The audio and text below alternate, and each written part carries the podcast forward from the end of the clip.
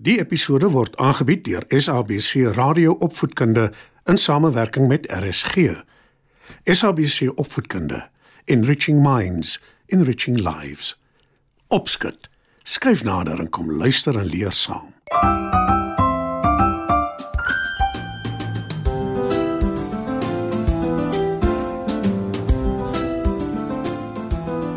Goeienaand, maats. Welkom by Opskud.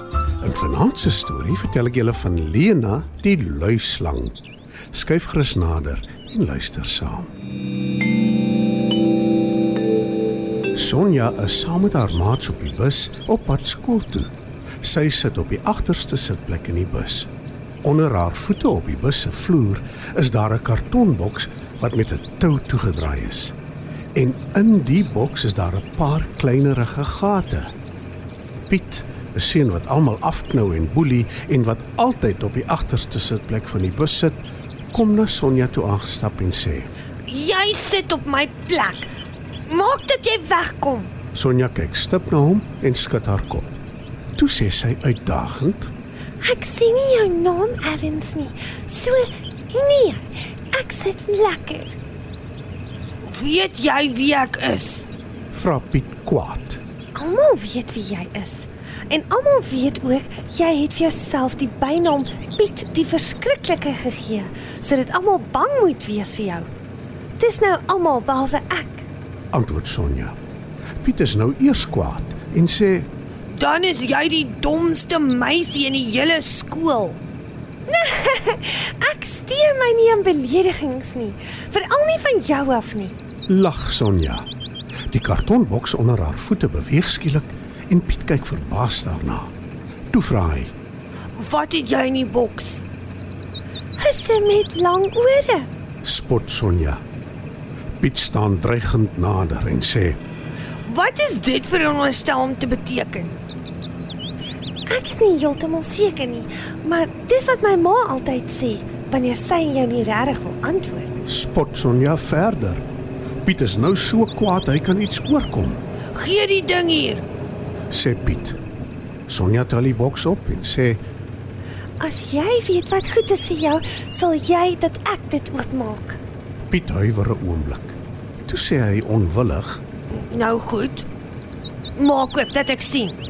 Sonja maak die tou los en sy maak die kartonboks oop op 'n skreefie. Piet leun nader om te kyk. Skielik duins hy terug. Hy draai vinnig om, loop weg en gaan sit op een van die voorste sitplekke. Die ander kinders kyk verbaas na die skoolboelie en vra hom wat aangaan. Piet antwoord nie. Hy skud net sy kop. Almal is nou baie nuuskierig. Hulle wil gaan kyk wat Sonja vir Piet gewys het, maar as hy so geskrik het, dink hulle, is dit dalk nie so 'n goeie idee nie. Intussen het die bus stil gehou en die kinders bondel uit. Sonja met die kartonboks onder haar arm en haar skoolsak op haar rug klim laaste uit. Die skoolklok lui en almal stap aan na hulle klaskamers toe. Toe Sonja by haar klaskamer aankom, loop sy reguit na juffrou Anet waar sy by haar tafel voor in die klas staan. Sy sê sag iets vir haar juffrou wat knik, glimlag en die boks by Sonja vat.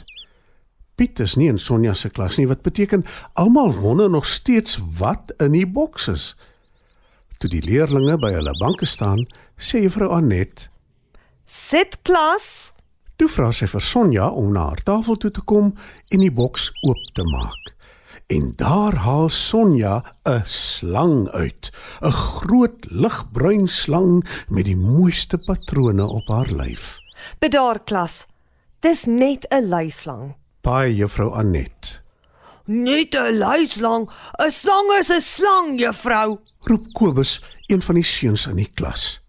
Toe verduidelik juffrou Anet dat luislange vredelewend is en glad nie mense aanval nie. Sonja het intussen die luislang om haar nek gesit. Die ander kinders kyk met groot oë na haar. Toe sê Kobus: Ek het eendag gehoor van 'n kind wat deur 'n luislang opgeëet is. Moenie alles glo wat jy hoor nie, Kobus. sê juffrou Anet met 'n glimlag. Maar Kobus gooi nie tou op nie en hou vol. Dit was op die internet, juffrou, op Google.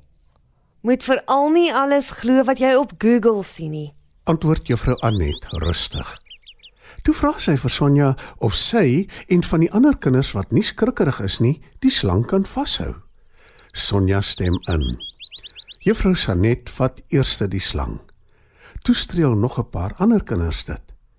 Van hulle wil weet of die slang 'n naam het. Sonja knik en antwoord. Ja, haar naam is Lena.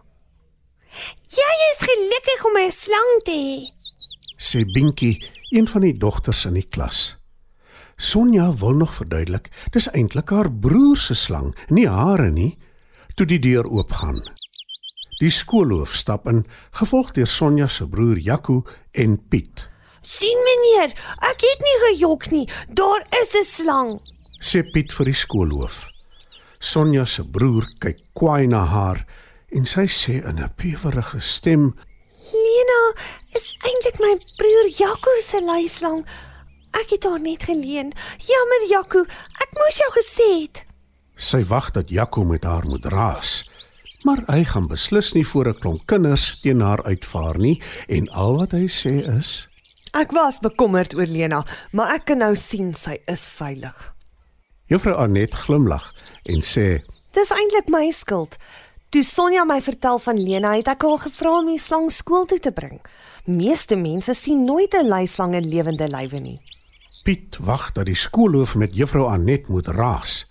Maar al wat hy sê is: Vra maar net toestemming volgende keer, juffrou.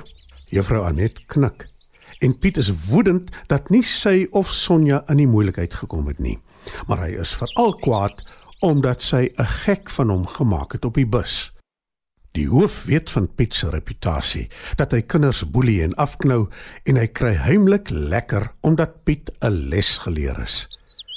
Toe niemand kyk nie, steek Sonja vir Piet tong uit en fluister dat net hy kan hoor. Lekker verniet geklik, né? Piet draai om en loop uit die klaskamer uit. Jaco vat Lena by Sonja en sê Nou gaan ek en jy huis toe, Lena. Hy en die skoolhoof stap ook uit en juffrou Anet sê Eind goed, alles goed. toe Jaco by sy kar aankom met sy luislang, wil hy haar in die kattebak sit, maar sy kyk verontwaardig na hom en sê Nee, Jaco. Ek is 'n ster. Ek ry in die kar voor, langs jou. Jaco glimlag en sit Lena op die voorste passasierssitplek. Toe sê sy En ek slaap ook nie meer saans buite in my hok nie. Van nou lê ek langs jou op jou bed. en Jaco kan maar net sy kop skud. Nou ja, maats, dis dan my laaste opskud storie. Fluit fluit, my storie is uit.